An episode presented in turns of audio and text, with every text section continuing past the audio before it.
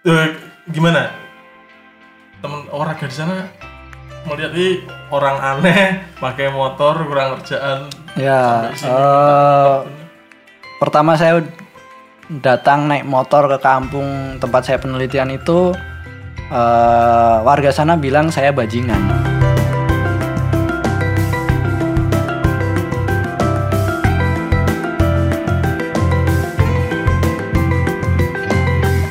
Ketemu lagi dengan Temu Konco Podcast, obrolan saat bertemu kawan. Sap. Kali ini saya sama teman saya, teman baru saya sebetulnya ya. Baru kenal bulan Mei kemarin padahal ternyata satu alma mater beda angkatan jelas. Namanya Mas Hermin Tianta Prasetya. Yeay. Panggilannya Mas Mimit. namanya panjang panggilannya Mas Mimit. Oke.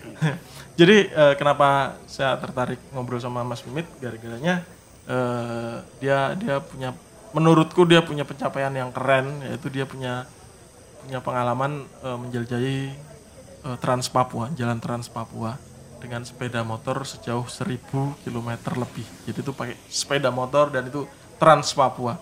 Eh piye toh Mas? Eh, apa hal atau keseloan yang membuatmu melakukan hal itu lho. Ya, literally memang slow sih karena waktu itu eh, kontrak kerja saya kan habis bulan Februari. Jadi eh, ya sudah yang teman-teman yang lain pada eh, liburan, ya aku juga liburan. Tapi karena aku nggak tertarik ke Raja Ampat, jadi aku bikin perencanaan untuk me- menelusuri jalan darat Nah, di Trans Papua itu sejauh 1000 km. Jadi ya eh, sesederhana itu aja sih. Mong karena sudah jauh-jauh sampai ke Papua dan pengen piknik ya sudah Oh, motoran wae lah. motor amarganya apa? Keraja wis umum ya, wis biasa ya. Aku nggak nggak punya ketertarikan ke Raja Ampat nggak tahu aku kenapa. Cah darat. Oh, Cah darat. bukan bukan cah banyu. Bukan cah banyu, cah darat. Eh, rutenya dari mana sampai mana aja tuh Mas itu Nek? Aku boleh tahu.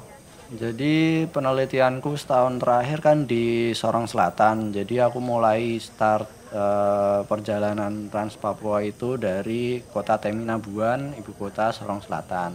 Dari situ bergerak ke Kumurkek, ibu kota Kabupaten Maibrat. Terus dari situ ke kota Manokwari. Kemudian dari kota Manokwari ke ibu kota Kabupaten Tambrau, Vev Fev. ibu kota resmi. Kemudian dari Vev menuju ke Sapor, ibu kota sementara Kabupaten Tambrau, terus balik lagi ke kota Sorong. Jadi total 5 kabupaten, 2 kota madya.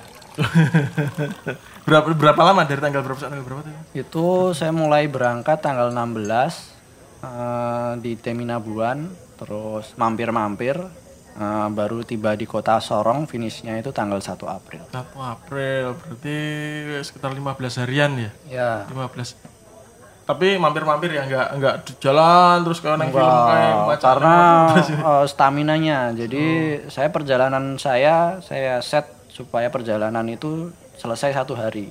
Jadi satu hari jalan nanti berapa hari istirahat. Oh gitu. Ya karena jaga stamina dan kondisi. Semula tak pikir eh, naik motor terus malamnya istirahat besok paginya lanjut lagi. Waduh, ambiar mas kalau gitu nggak bisa. Biar tenan ya. Kondisinya gimana tuh? Itu bukan yang didatangin Pak JKW kemarin tuh? Ah, kebetulan sebelum Pak Jokowi datang itu saya sudah selesai 1000 km. Berarti Tapi beliau tiru-tiru jenengan kayak kayak oh, iya betul. kayak kayak tiru-tiru. Sorry loh Pak. Ini, eh, secara kronologis eh, fakta mengatakan demikian ya. Duluan Mas Mimit loh. Dari maaf loh ini Pak. Maaf. Ya eh, kalau kondisinya kan sebenarnya yang dilalui Jokowi dan saya kan beda ya Papua itu besar jadi saya cuman menjelajahi bagian kecil Papua Barat aja ya kondisinya sih eh yang dari Teminabuan sampai Kumurkek keluar dari Maibrat itu masih jalan aspal lah yaitu lang hitungannya masih bisa dilalui dengan motor metik Oh Nah, gitu. Tapi Ya, kalau ya. keluar dari eh Maibrat itu yang sudah jalan masih jalan baru dibangun, jalan tanah masih diperkeras. Itu perjalanan paling berat di Trans Papua. Ya naik gunung karena di sana pegunungan aja, naik gunung eh, turun gunung, eh, lembah, eh, lewat sungai, jalan tanah, jalan naik tanjakan berbatu, tanjakan pasir. Ya kayak gitulah. Pokoknya jalan hancur.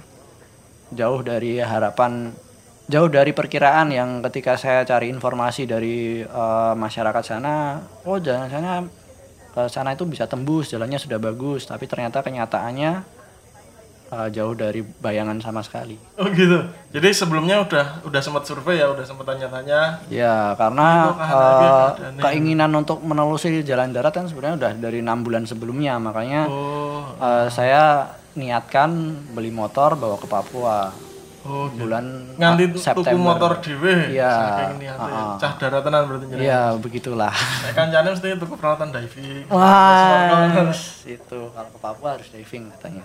Tapi ya aku kayak gak iso renang jadi. oh iya, ono kancane. Yes, ah, ono kancane.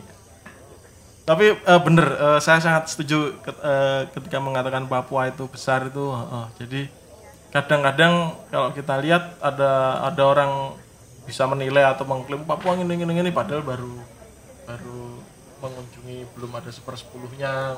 Kadang mengunjunginya dari layar televisi. Iya betul betul. Aku lagi nyanda. Eh, Meng delok TV kan. Iya. Aku ngono ngono ngono. Ya ya ya ya. Udah berani mengklaim.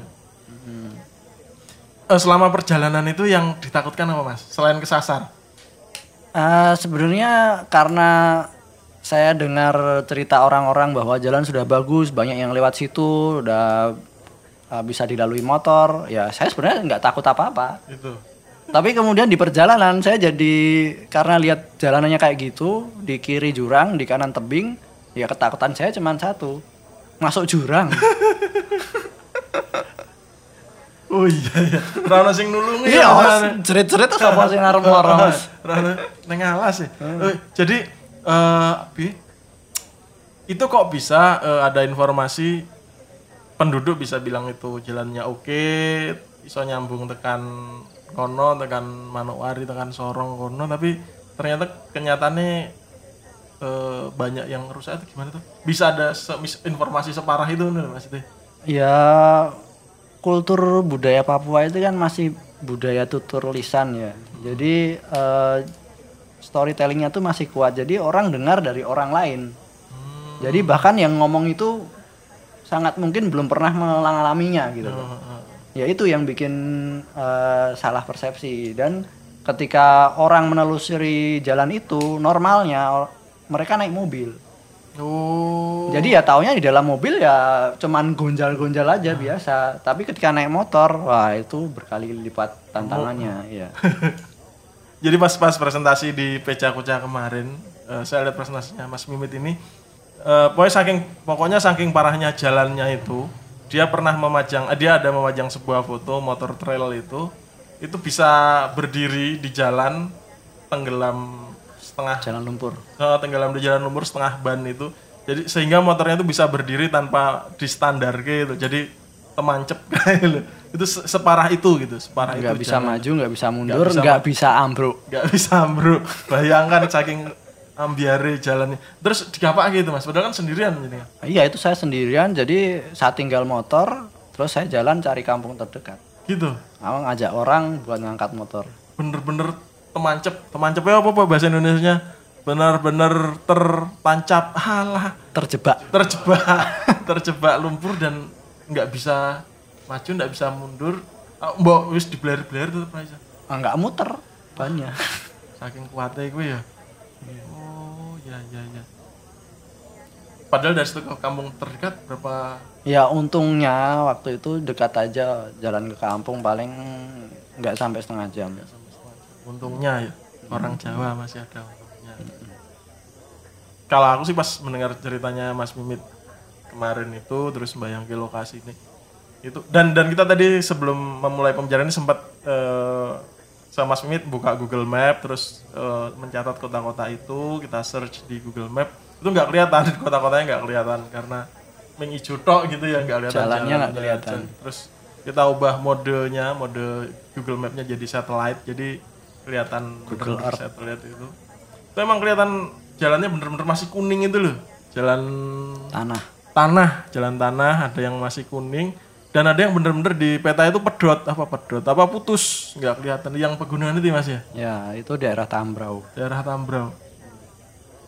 Kok tahu ketika setelah melewati gunung di sana mesti ono dalan nih kok kok yakin ini loh ini kan gara-gara kita lihat peta ngerti oh neng kene dalan iki ra ono kene dalan. Loh, saya saya jalan kemarin belum lihat peta itu, Mas. oh, Jadi malah aku emang nggak tahu jalannya kayak gimana. Ya ya ya ya Jadi aku cuma tahu, oke aku perjalanan hari ini dari sini ke sini. Ya udah. iki orang rumah ngerti ora nek Eh, ya aku cuman bilang aku berangkat eh, naik motor dari kota ini ke kota ini. Udah. biasanya nek, nek orang rumah ngerti kan yuk wah mbok rasah baik apalagi kan eh, bicara masalah traveling ya ketakutan khas orang Indonesia traveler kata teman-teman saya sih ketakutan khas yang menurut para traveler itu agak aneh dari orang Indonesia adalah orang Indonesia takut kesasar bener gak sih? Ya kalau Oh, jadi orang Indonesia ketakutan nanti kesasar eh, nggak tahu sih. Kalau aku sih eh, kesasar itu ya bagian dari petualangannya. Jadi itu mem- membuatku ingat biar simbah-simbah gitu kalau kita jalan mana pamit jalan ke mana sama simbah gitu ke kota baru atau ke daerah baru mesti pesan simbah kok naik kesasar piye to le neng kono atuh banget ketakutannya malah ketakutan kesasar. Nah nek saya apalagi tadi lihat jalannya seperti itu ketakutan saya adalah ya kalau motornya macet di jalan terus eh, bocor tengah jalan kayak gitu, kayak gitu. dan dan jauh dari kota. Pernah? Motornya pernah bocor enggak itu bannya? Eh, jadi kan saya bawa motor itu dari bulan September ya, istilahnya itu untuk latihan lah, uji coba. Jadi saya jalan dari ibu kota Teminabuan ke tempat penelitian saya itu sekitar dua jam lebih lah. oh Ryan ya Oh, jadi di situ kebetulan sedang dibangun jalan nasional, tapi ya tetap ambiar. jadi eh, itu istilahnya eh, latihan buat latihan saya dan pernah bocor juga kena paku baja yang persegi itu eh, di tengah hutan. Jadi ya tak naikin aja tetepan. Ya mau gimana lagi? tak naikin tetap eh, perjalanan terakhir tuh 20 kilo terakhir menuju kampung. Dari kampung motornya tak naikin eh, longboat bawa ke kota untuk ditambal eh, untuk ganti ban karena nggak bisa nambal. oh iya iya karena ban udah bocor eh, besar, suwe suwe ban dalam udah sobek seukuran tiga jari ini. Ya wes, ganti ban dalam, ban luar di jadi kota. motornya dibawa kota jangan ikut ke kota terus Iya. habis itu kembali lagi melanjutkan kui Eh, balik lagi ke kampung naik naik motor lagi. oh balik nganti rampung sampai selesai Iya. oh Ya. ya, yang awalnya saya dulu berani jalan sendiri ya karena saya percaya pada kebaikan masyarakat sih, kebaikan orang. Jadi ketika apa pun yang terjadi nanti di tengah hutan, ya aku cuman percaya bahwa nanti aku akan ketemu orang yang bisa bantuin, udah itu aja. Niate kayak ngono kuwi. Oke. Eh, cerita tentang gimana Mas Mimit ketemu orang-orang eh, daerah yang baik dan membantu akan kita dengarkan di segmen berikutnya. Sementara kita pesan wedang dulu ke bakul angkringannya. Le, pesen le. Yuk, jahe panas. Kayak panas siji, teh hangat, jangan manis-manis. Pesen jangan mana? Jangan apa? jangan panas.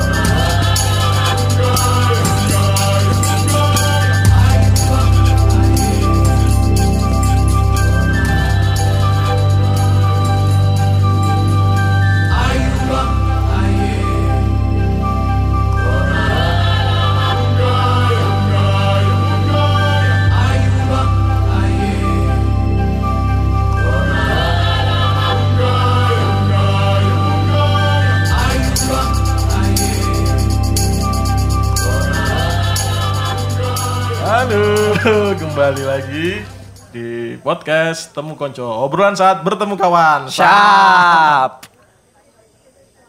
Oh, jadi selama 15 hari nggak jalan terus. Ada berhenti-berhentinya. Total berarti total bermotornya berapa hari, Mas? Eh, total bermotornya itu eh, perjalanan pertama dari Teminabuan ke Kumurkek itu satu hari. Nah, kemudian dari Kumurkek ke Manokwari itu satu hari. Terus rencana dari Manokwari sampai Fev itu satu hari. Realitasnya dua hari karena saya harus bermalam eh, di tengah hutan karena dari tengah hari perjalanan itu udah hujan deras. Jadi saya nggak berani lanjutkan karena jalanan licin, Bahaya. tanjakan, turunan, berbatu, dan saya udah jatuh berkali-kali daripada saya membahayakan nyawa ya saya berhenti di gubuk di tengah hutan, gudang, gudang yang ditinggalkan, gudang kosong. Tinggal di sana satu malam, terus baru lanjut lagi ke Sausapor. Itu berarti tiga empat hari. Terus dari Sausapor ke kota Sorong itu satu hari. Berarti satu dua tiga lima hari ya. Ya.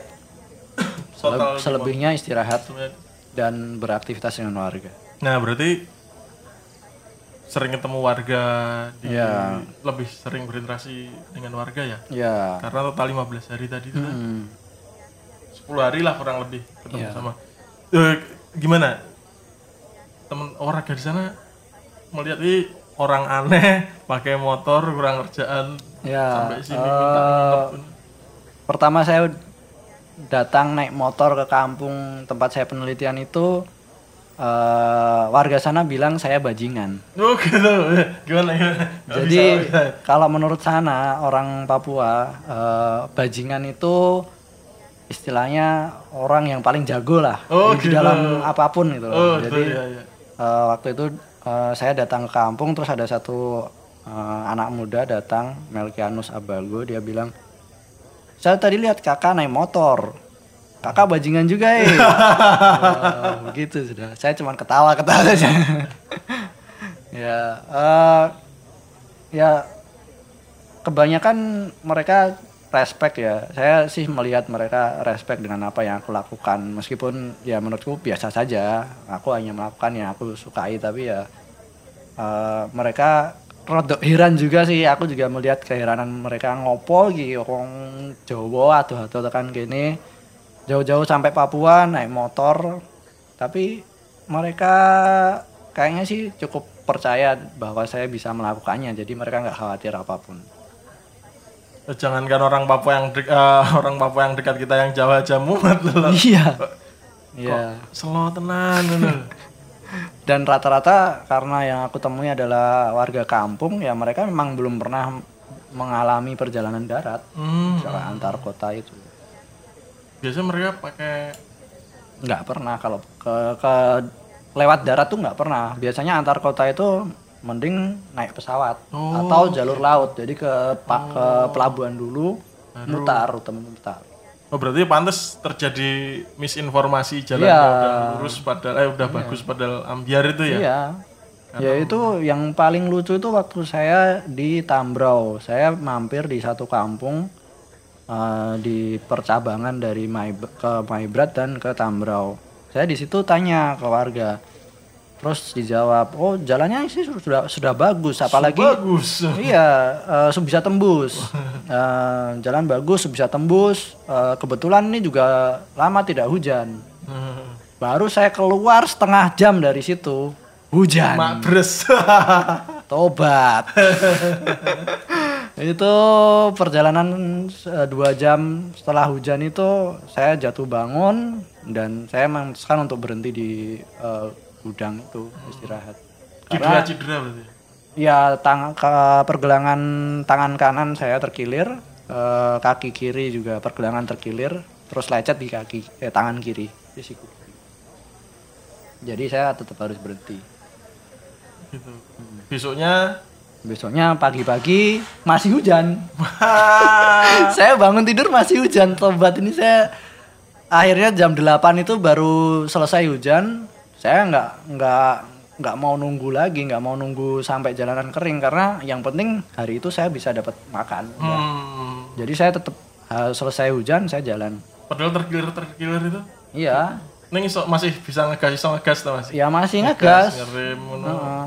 cuman ya itu kan saya istirahatnya di pinggir sungai Eh, saya bisa minum dari sungai itu Hmm. saya keluar dari sungai itu langsung tanjakan Wow. Kenapa saya memutuskan berhenti di situ karena sampai situ tuh turunan mau keluar dari situ tanjakan. Jadi tuh kayak lembah cekungan gitu. Eh, Jadi kalau hujan kan bahaya. Jadi Bahaya. saya memutuskan berhenti di situ dan paginya saya berangkat.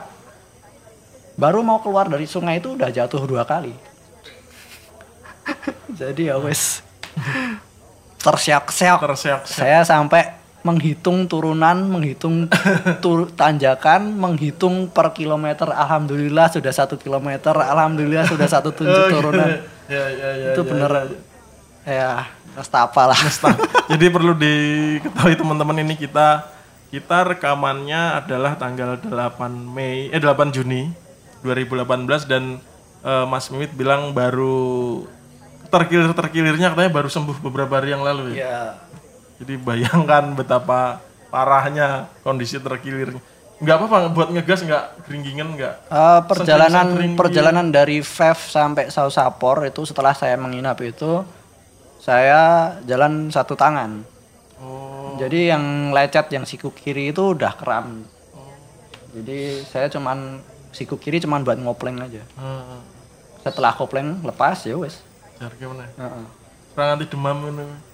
Oh enggak. Oh. Karena saya udah pernah kena malaria di Maibrat. Oh, gitu. aman ya. Aman. Kena malaria malah aman. Iya. Begitulah. Katanya teman saya sebelum berangkat ke Papua, kalau memang mau lama ke Papua ya udah kena malaria itu udah memang harus kena. Hmm, konsekuensinya ya. Terus eh, oh ya ini si Mas Mimit ini kan penelitiannya sama masalah ketahanan pangan ya di sini. Iya. Di di Papua itu. Penelitian pengelolaan hutan sagu alami. Oh. Ya memang nyerempet-nyerempet pangan lah. Karena saya survei, Bu. jadi pod- podcastnya podcast niat, jadi nganggu survei barang meneliti. jadi Mas Mimit ini juga eh, aktivis ya, semacam aktivis gitu atau apa ya? Pokoknya eh, orang yang sangat concern terhadap eh, isu-isu ketahanan pangan gitu atau jaringan lokal gitu dia pernah aktivis itu segala macam. Ah, sebenarnya Kenapa saya terus nyinggung masalah panganan? Karena kemarin di presentasi eh, ada kata-kata Mas Mimit yang mengambil quotes-nya orang Papua. Kalau ada makanan, Kalau ada makanan, makan. Kalau nggak ada makanan, makan. nah ini penjelasannya piye? Jadi eh, fakta itu aku ketemukan ketika aku eh, menginap di Tambrau di satu eh, kampung sekitar tiga jam perjalanan naik mobil dan naik perahu dari kota Sausapor. Eh, di sana itu baru ki- kita baru datang aja udah dibawain warga itu potongan-potongan daging rusa yang maha besar itu enak banget. Itu- nyaris nggak ada. dan suruh makan cuman kita yang datang yang makan jadi kita nggak sampai nggak habis sampai kita pulang dari sana tuh suruh bawa Oh. karena kalau ditinggal di sana itu mesti nggak kemakan dan kalau kita ke sana lagi kita nggak akan dimasakin itu kalau Oh gitu. Kemelekeran daging Iya. rusa, mewah Ya, gitu. itu makanya di sana tuh saya menemui yang namanya keberlimpahan pangan karena dulu saya cita-citanya jadi petani setelah saya balik dari Jakarta 2012 saya balik ke Jogja itu saya pengen jadi petani.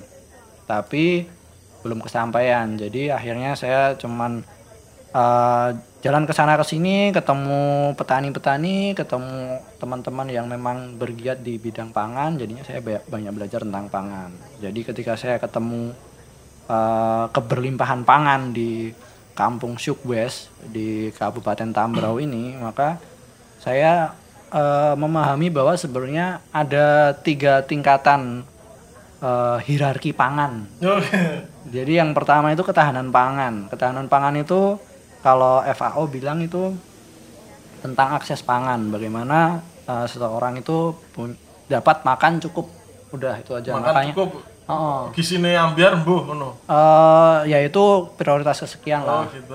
Eh, tapi yang kendeli domine nek cah kos. Iya, yang penting kowe mangan war. Oh, iya. Nah, ya, itu akses pangan. Jadi makanya di situ banyak banyak kepentingan yang terlibat.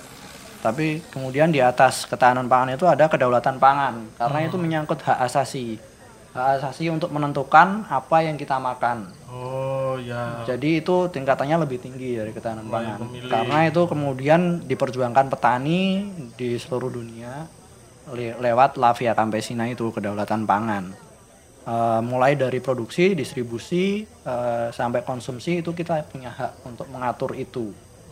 Nah di Papua ini saya ternyata eh, saya menemukan yang belum pernah saya eh, alami, yaitu keberlimpahan pangan itu. Level Di- ketiga kowe. Iya, ternyata level paling tinggi itu ada di Papua, keberlimpahan pangan. Jadi kalau orang bilang Papua itu susah pangan, datanglah ke Papua di yang tempat saya datangi itu. Di situ Turah-turah. ada pisang Ambon jatuh matang, itu nggak ada yang ngambil.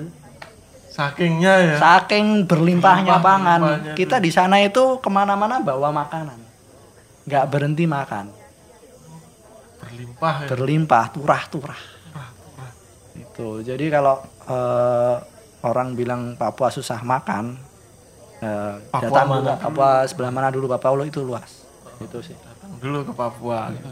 Oh, gitu. oh, orang bilang di sana di Kampung Sukses itu malam-malam aja kalau kita camping di hutan rusa itu datang Gitu. iya rusa itu nggak takut sama manusia karena saking banyaknya Oh, kayak pite yang kayak ayam itu ya, iya.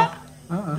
Bisa kita konsumsi. iya Tapi gede banget. Ya, oke, timbang sapi gede sapi sih, tapi kalau eh, teman-teman menghabiskan rusa satu insya Allah ndak kuat sih. Iya. Padahal daging rusa, daging rusa itu enak banget. Daging rusa itu nggak ada lemaknya. Iya, kan podo karo pitik kampung toh. Oh, iya. Nah, kene levelnya pitik kampung ning kono rusa. Dia pakai rusanya kemarin Digoreng kering. goreng kering ya. Hmm. Kecap ya lo. Kecap. Ngeces toh. ya. Luar biasa dahsyat itu. Oke, oke. Eh jadi itu Mas ternyata tidak tidak semua di sana yang yang eh, kekurangan pangan ada. Kenapa bisa kondisi ya masalah akses jalan segala macam tuh gimana sih yang membuat sampai ada perbedaan kayak gitu ada yang kelaparan gitu ada yang Em, waktu perjalanan ke Tambrau itu bahkan saya ketemu eh, dia misionaris 30 tahun lebih jadi misionaris jadi dia keluar masuk hutan eh, dia ketemu suku terasing Jogbi Joker dan perannya di sana adalah eh, dia meluruskan kasus kelaparan di sana Hmm, hmm. jadi eh, ada kasus gizi buruk lah yang kemudian diluruskan. Ya sebenarnya tuh bukan mereka nggak nggak kelaparan, itu mereka kecukupan tapi kemudian kalau kita lihat dari kacamata dunia luar dengan standar eh, gizi yang terukur kayak gitu ya nggak bisa itu akan jadi anomali gitu loh. Jadi eh, apa yang dilihat orang luar itu eh, jangan jangan jangan kemudian disamaratakan dengan apa yang kita alami di sini. Mereka makan sehari-hari kayak gitu itu sudah cukup gitu loh. Mereka makan ubi, mereka makan sayur dari hutan. Ya itu kecukupan gizi mereka sudah alamiah gitu. Mereka juga masih hidup kok buktinya gitu. natural kan, Iya. Hmm. Jadi kalau masalah akses jalan itu sebenarnya eh, akses jalan itu mendukung ketahanan pangan. Tapi kemudian di sana itu yang saya temukan kan keberlimpahan pangan. Mereka mereka tidak mengandalkan eh, makanan dari luar loh. Sementara kalau eh, ketahanan pangan yang versinya FAO ini kan eh, harus ada distribusi yang lancar dari eh, dari daerah lain bahkan dari luar negeri makanya ekspor impor pangan itu salah satu eh, mekanisme untuk menciptakan ketahanan pangan. Sementara kalau di Papua sana dengan akses yang kayak gitu ternyata buktinya masyarakat juga masih hidup. berlimpah-limpah Iya, mereka hidup. Iya. Dan kemudian eh, salahnya di sana yang kemudian diluruskan itu sebenarnya kasus eh, kematian, tapi kemudian kematiannya itu eh, karena bukan karena gizi, bukan karena kelaparan, tapi karena kepercayaan mereka bahwa eh, orang yang sakit kayak gini kemudian eh, dianggapnya adalah kayak eh, kena guna-guna. Oh, Nah, kemudian mati, tapi kemudian orang lain menginterpretasikannya sebagai kelaparan. Karena mereka memandangnya tidak dengan kacamata orang Papua, orang lokal sana gitu. orang mana? Daerah mana tadi Mas yang Itu di, di Jogbi Joker di Tambrau. Di Joker Tambrau. Suku Trasing Jogbi Joker. Joker. Itu ada beritanya namanya Pak Hans Mambrasar. Dia meluruskan kasus itu sampai ditangkap polisi. Ditangkap malah ditangkap polisi. Iya. Membenarkan kasus itu. Iya. Ada kan hoax ya hitungannya hoax ya itu Iya. ya. Dibenarkan malah dia ditangkap polisi. Iya. Kok iso misalnya? Ya ceritanya kayak gitu. Ya mau gimana lagi kan simpang siur lah informasi Oh di ya sana. di sana aja. Sementara Pak Hans kan yang mengalami. Hmm, mengalami sendiri Hans Mambrasar. Ya. Ya begitu. Oke oke. Eh jadi jadi ngomong masalah pangan kelihatannya seru. Eh di segmen berikutnya kita bakal cerita apa sih ketahanan pangan terus aktivitas Mas Mimit apa sih? Dia kok ngomongin pangan sampai Papua sampai naik motor itu janjiannya kerjaannya apa? Janjian dia agen rahasia tuh masuk akal nggak dia? Agen rahasia sing sing biasa di film-film kan kayak gitu melakukan hal-hal sing ra umum dilakukan manusia numpak motor ke sana sana oke kalau gitu kita pindah ke segmen yang berikut setelah wedangan lagi. Yo, gorengan lah. Oh, gorengan. Kita mau beda kita tahu karo eh, tapi goreng soalnya karena beli peteng susah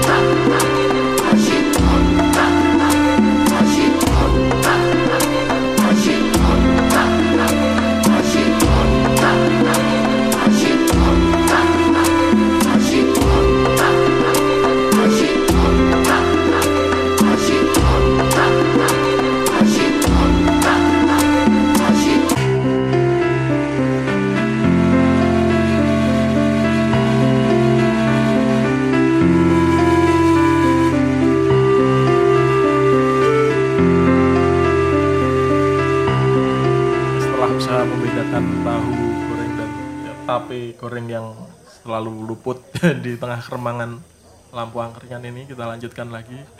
Obrolan dengan Mas Mimit orang yang selo numpak motor saya kilo neng Papua. Jadi eh, kan tadi Jo ngobrol tentang panganan segala kenapa tertarik masalah-masalah pangan tuh Mas? Jadi ceritanya tuh dulu saya kerja di Jakarta 2 tahun itu nggak betah. Kerja sebagai romusa kayak kayaknya Freelance. Oh, Jadi freelance. freelance saya uh, konsultan komunikasi. Ya keluar masuk uh, perusahaan bikin bikin buku, bikin uh, laporan CSR kayak gitu dan perusahaan tambang. Jadi saya bisa keliling ke Kalimantan, ke uh, mana-mana lah. Sulawesi juga. Ya itu saya eh, ada dua hal yang membuat saya pengen kembali ke Jogja karena saya nggak betah tinggal di Jakarta dan saya melihat eh, lingkungan itu hancur karena pertambangan, karena aktivitas lingkungan, karena aktivitas manusia. gara-gara anu ya ikut proyek yang kerja itu ya Ya, itu. itu membuka mata saya. Jadi saya eh, nggak betah tinggal di kota, saya pengen tinggal di desa aja. Terus saya mikir di desa saya ngapain ya? Kepikiran lah, saya pengen bertani. Tapi kemudian eh, niatan bertani itu tidak direstui oleh orang rumah. Jadinya ya saya di Jogja akhirnya jalan-jalan aja eh, belajar otodidak eh, bercocok tanam dengan ketemu eh, dengan praktek sendiri dengan ketemu teman-teman yang memang eh, bergerak di bidang pangan juga yang sama-sama pengen bertani kemudian kita ketemu guru-guru tani yang ada di Jogja. Dan akhirnya eh, saya sempat eh, bikin beberapa hal yang cukup menonjol. Menurut saya kayak milestone lah. Hmm. itu saya bisa buka eh, warung namanya kedai keblaso. Kedai Keblaso, ya? itu kita aku berusaha menjual pangan lokal di situ. Kemudian aku ikut eh, bikin kampanye di wujudkan.com juga. Kita bikin jejaring pangan lokal yang sebenarnya itu masih aku kembangkan konsepnya sampai sekarang konsep jejaring pangan lokal itu. Eh, dari situ ya sampai penelitian terakhir di Papua kemarin saya direkrut jadi peneliti karena memang saya pernah eh, beraktivitas di lingkungan jejaring pangan lokal itu begitu eh, jalan cerita saya ketertarikan, ceritanya tuh. ketertarikan di bidang pangan Eh, Menariknya di mana sih? Kenapa kenapa harus kita kita harus perhatian sampai jenengan selo ya nggak selo jenengan niat bikin apa jaring pangan lokal gitu. Apa sih? Sebenarnya itu berawal dari uh, fenomena di bidang aktivisme ya. Kalau banyak-banyak aktivis itu yang uh, ter- terutama yang mereka bergabung di LSM, mereka kadang uh, menyuarakan hal-hal yang mereka tidak lakukan. Hmm, hmm. Jadi mereka cuma omong aja gitu loh. Sementara kalau memang mau menciptakan perubahan ya kamu harus melakukan yang kamu ucapkan. hmm. Jadi yang Walk paling talk. Heeh, jadi yang paling sederhana yang kita lakukan setiap hari itu apa sih? Makan. Oh. Ya udah, kita Aktivis lakukan makan. perubahan Oke. dari meja makan. Oh gitu. Oh, ya. Heeh, Lakukan perubahan dari meja makan. Heeh, jadi ketika eh, punya kerangka melakukan perubahan dari meja makan ya kita harus tahu apa yang kita makan setiap hari. Kita harus tahu apa yang sampai ke meja makan kita. Itu asalnya dari mana, bahkan kalau bisa ya sampai siapa yang nanam. Nah, itu sekarang banyak diaplikasikan di eh, kedai-kedai kopi itu. Di Iya, warung-warung iya, kopi yang mereka eh, apa meng- meng- membeli ko- kopinya langsung dari petani. Ya sederhananya kayak gitu sih. Jadi itu apa? Dengan dengan kita tahu kalau kopi kasus kopi tadi Hmm. dengan kita tahu kopi ini yang nanam petani A daerah Temanggung kono Hmm. itu eh, bentuk perjuangannya bi apa maksudnya efek positifnya Ah, itu apa gitu terhadap efek positifnya. Jadi eh, pangan lokal ini kan eh, kita bicara tentang kelokalan, kita bicara tentang lingkup. Secara global, eh, secara umum, ketika kita bicara apa yang kita makan itu berkaitan dengan eh, jarak tempuh pangan. Kenapa lebih eh, berkelanjutan, lebih ekologis ketika kita makan pangan lokal? Karena jarak tempuh dari tempat produksi pangan ke meja makan kita sampai kita makan itu pendek, lebih pendek itu lebih lebih berkelanjutan ya? ekologis Oh, karena di situ tidak ada per- eh, perpindahan pangan, tidak ada jarak tempuh pangan yang eh, orang bilang namanya jejak karbon. Oh, kayak contohnya yang di Papua tadi, Heeh. itu kan apa jenis rusane nggak rasa dadak nggak dari berpindah, mana? heeh, ya gitu. nggak kalau nggak dari luar daerah gitu loh. Sementara eh, salah satu penyumbang eh, gas emisi rumah kaca kan dari perpindahan eh, manusia, perpindahan pangan, perpindahan barang. Nah itu makanya ketika kita makan apa yang ada di dekat kita itu kita sudah eh, berkontribusi terhadap perbaikan lingkungan karena ya kita nggak nggak pakai emisi loh untuk Iya, iya, untuk iya. memindahkan pangan kita. Makanya ketika kita makan eh, tiwul yang produksinya di Gunung Kidul itu lebih ekologis daripada makan apel yang dari Amerika sana. Oh, gitu. Heeh. Beras Thailand dan lain-lain. ya gitu. Iya, iya, masuk akal, masuk akal, Mas. Jadi itu yang sedang di masih masih dilakukan gitu. Ya karena ya itu tadi eh, kalau mau memang melakukan perubahan ya lakukan yang kamu ucapkan. dari meja makan. Mm. Tapi gini, kadang-kadang ya ya nggak semua orang sih. Kadang-kadang ada orang-orang yang ya bukan snob ya, orang yang aku rasa seneng eh, makanan ini, gampangnya aku rasa seneng mangan sini." telo. Eh, bahkan ketika telo wah iki telo yang gunung kidul ra enak-enak sing saka kulon kono ngono-ngono kuwi lho.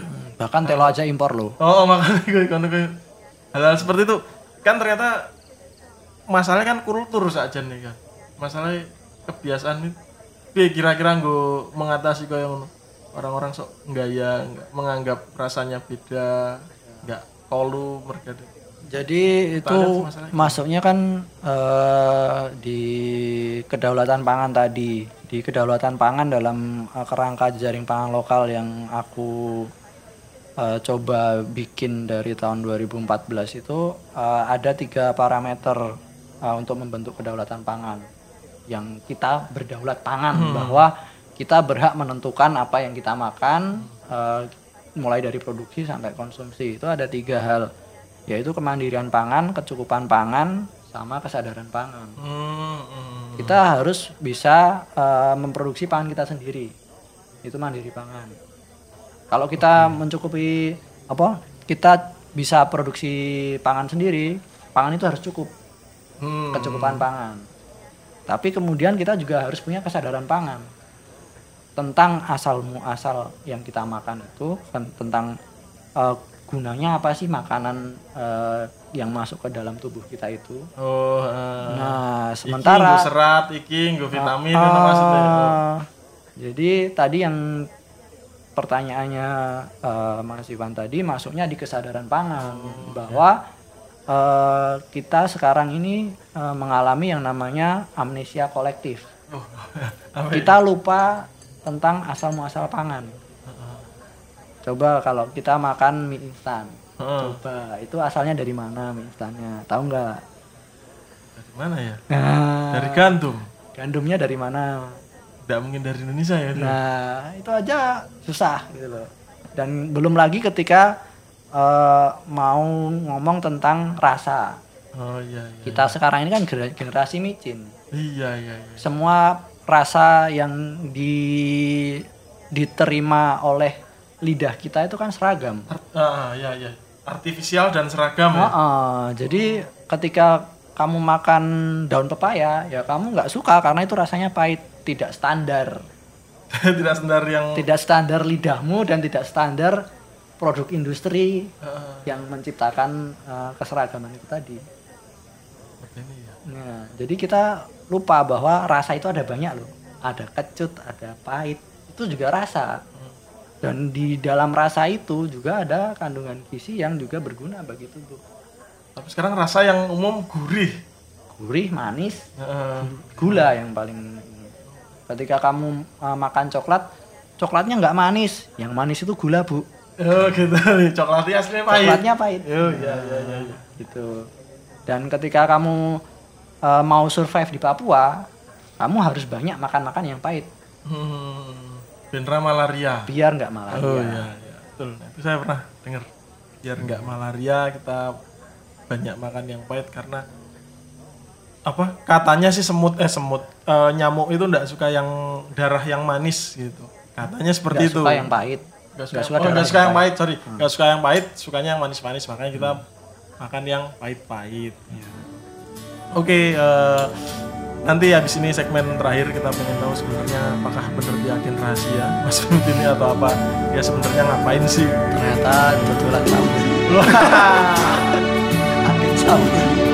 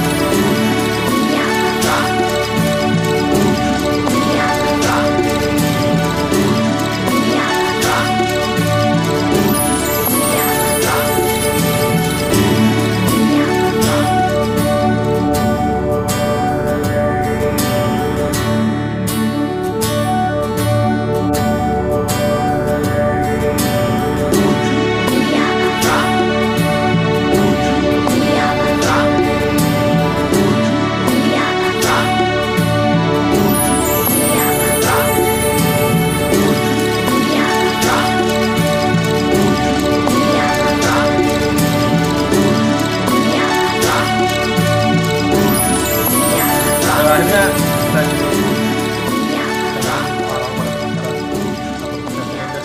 sebenarnya Mas Mil aktivitasnya apa sih sampai melakukan hal-hal yang disinyalir agen rahasia itu? Aktivitas sekarang aktivitas oh, sekarang aktivitas di, di Jogja ya sekarang, ya sekarang. berarti ya udah nggak di Papua lagi. Ya uh, saya tinggal di Gunung Kidul uh, di uh, lembaga namanya Jiwa Laut. Jadi hmm di sana eh, cita-citanya sih pengen jadi lembaga pendidikan eh, lingkungan dan budaya. Mm-mm.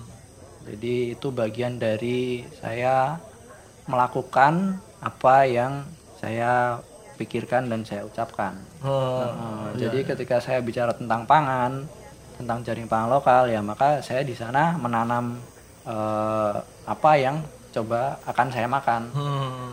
dari lingkup yang terkecil bahwa sebenarnya kita bisa eh, menanam di mana aja loh. Sana saya menanam ya di kebun sendiri di de- di sekitar tempat tinggal Hmm. dan itu adalah perwujudan jejaring pangan lokal di lingkup terkecil Hmm. bahwa eh, perubahan itu bisa kita mulai dari meja makan. Jadi bahwa kita bisa nanam sendiri, kita bisa masak sendiri, kita bisa eh, menciptakan selera sendiri. Kita selera kita nggak perlu dikontrol oleh eh, orang lain, oleh industri, oleh iklan-iklan TV itu. Terus eh Gunung Kidulnya mana Mas? Apa tahu Ah, aku di- munggah. Jadi orang teman-teman sebelumnya kalau orang Jogja bilang ke Gunung Kidul tuh munggah. Naik karena emang jalannya naik gitu. Ya. Atau apa Jogja tingkat dua apa? Ah, jati dua ya sih. Apa Jogja enggak pasti eh lantai dua, Jogja Oh, lantai dua ya. gara-gara dia di atas. Ya. Jadi di Gunung Kidulnya di mana? Di Pantai Watu Kodok, eh, desa Dusun Kelor Kidul, desa Kemadang, kecamatan Tanjung Sari. Oh, daerah Kemadang, Tanjung Sari. Saya tahu Dono gitu. Iya, zaman. Pantainya masih keren pantainya berarti ya. Ya, ya sekarang semakin ramai sih. Makin ramai. Aku naik pantai ramai tuh khawatir lireget itu loh. Ya itu makanya salah satu eh, pertimbangan pangan lokal itu karena di pariwisata itu eh, uniknya adalah ketika datang ke suatu tempat yang baru justru kita bawa eh, makanan dari kota. Oh iya, kita pesen makanan kota bukan makan-makan yang di situ. Nah ketika kita bawa makanan dari kota kan ada kemasannya. Iya. dan itu yang bikin sampah Ada plastik eh, bermasalah tahan plastik. Saya, kalau plastik di pantai itu. ya terakhir ada kabar paus mati karena makan plastik Hmm, tak share itu di Facebookku. ya Plastiknya akeh banget sakit loh. dan bulan ini adalah eh, hari lingkungan hidup internasional Hari ini ya, Eh, tanggal nah, eh, 3 apa 2 ya Mei ya. Juni Eh Juni, sorry Juni. Mei terus kali kan ya. Ya. Hari ini kan. Dan itu yang disoroti masalah plastik ya. Ya, plastik. Sampai-sampai National Geographic juga mengeluarkan eh, tema khusus tentang plastik Plastik itu ya. Sangat dan dia tidak pakai kemasan plastik untuk bulan ini. Oh gitu. Iya. Oh iya iya iya. Apa apa apa. Jadi ya itu. Eh, saya saya sendiri sih sampai sekarang masih konsumsi plastik masih agak-agak. Ya bisa tak kurangi tapi untuk bener-bener eh, tidak menggunakan masih masih belum belum sampai ke level itu. Perjuangannya berat. Ah, terus kalau ada yang pengen menghubungi Mas Mimit, tanya bapangan atau bap apa, bisa ke mana? Eh, Instagram aja Oh, kok, Instagram. Instagram mitpic M I T C P I C T. M I T P I C T itu Instagramnya Mas Mimit monggo di sana tanya apa saja tentang Papua tentang pangan tentang dia apa lagi latihan apa enduro race jadi gara-gara tadi sempat cerita gara-gara habis dari Papua naik motor tuh dia sampai Jogja latihan enduro race siapa tahu mau belajar enduro race gitu bisa tanya-tanya atau ngajak latihan bareng neng di ngono. Wah, bisa. itu saya sangat membuka diri untuk ajakan ngetril. Oh, gitu. Anak-anak drill, monggo. Ini setidaknya terbukti loh di tempat 1000 km Papua loh ini. Oke, ada eh, apa pesan-pesan terakhir apa? Eh, ya karena tadi temanya adalah eh, perjalanan dan pangan, maka eh, pesannya adalah tentang petualangan. Jadi eh, jangan ragu untuk eh, menjelajahi wilayah-wilayah yang yang tidak kita ketahui sebelumnya. Jangan ragu Eh, karena eh, ketika tidak menjelajahi wilayah-wilayah yang belum kita ketahui itu itu adalah kejahatan bagi eks- eksistensi kita. Wah, apa apa Itu- tenang pemirsa. Itu kutipan Saudara-saudara. dari Susi Kesem. Oh gitu. Oh, jadi ya itu memang karena ketika kamu eh, memang ada, ya kamu salah satu cara belajarmu adalah dengan berpetualang tadi, menjelajahi wilayah-wilayah baru. Nah, itu biar biar eksis malah eh, itu menegaskan eksistensi kita no ya malah. Iya. Aku golek nggo nanyar. Orang-orang gone kuwi sing eksistensinya berarti tapi malah kita yang ke sana yang Oh, yang iya, kita jadi memberi makna kan eh, tentang apa hal-hal baru yang kita eh, datangi Oh, itu. iya, iya. Dan itu bukan bukan cuman perjalanan fisik saja, tapi perjalanan rasa juga. Bahwa rasa itu ada banyak loh, bukan cuman manis dan asin tok. Gurih. tapi ada kecut, ada pahit, itu juga rasa dan itu uh, banyak kita temui di pangan lokal. Oh iya. Ah, ada pertanyaan ke saya, siapa tahu arep takon apa? Wah, apa ya? selot. Kapan temu konco berikutnya? temu konco berikutnya insya Allah jadi eh, insya Allah kita akan akan eh, muncul tiap Jumat jadi ini ini ini kalau teman-teman mendengarkan itu adalah tanggal 2, tanggal 22 jadi seminggu setelah lebaran jadi insya Allah tanggal 29 nanti ada lagi temanya masih berkisar tentang lokal dan budaya ditunggu aja ya. Oke terima kasih Mas Mimit sudah eh, jadi beliau ini sebenarnya tinggalnya di Gunung Kidul dan demi takjak ngobrol di Temu Konco dia ngebela-belayan turun ke Jogja dari Gunung Kidul padahal walaupun kalau kalian lihat di peta dekat eh, perjuangan dari Gunung Kidul ke sini itu cukup melelahkan terutama dari sisi macetnya ya Mas ya ya 60 kilo sini. 60 kilo jaraknya nggak seberapa macetnya itu loh yang Apalagi liburan. Wah, lagi liburan. Itu jadi matur nuwun Mas Mimit. Sami-sami. Sampai bertemu lagi, sampai berjumpa di petualangan berikutnya dan bukunya agak digawe. Engko nek kesuwen lali serius. matur nuwun wis dilingki. Lali, males, sensasi-sensasine hilang dan nek arep tok tuangke ning tulisan bakal jauh lebih susah. Siap. Wis kayak dirawe kuwi wangun kuwi. Rasa mikir foto cerita aja udah oke. Ya. Oke oke, matur nuwun Mas dan eh, sampai jumpa di temu Kupo- temu konco podcast berikutnya. Temu konco podcast obrolan saat bertemu kawan. Siap.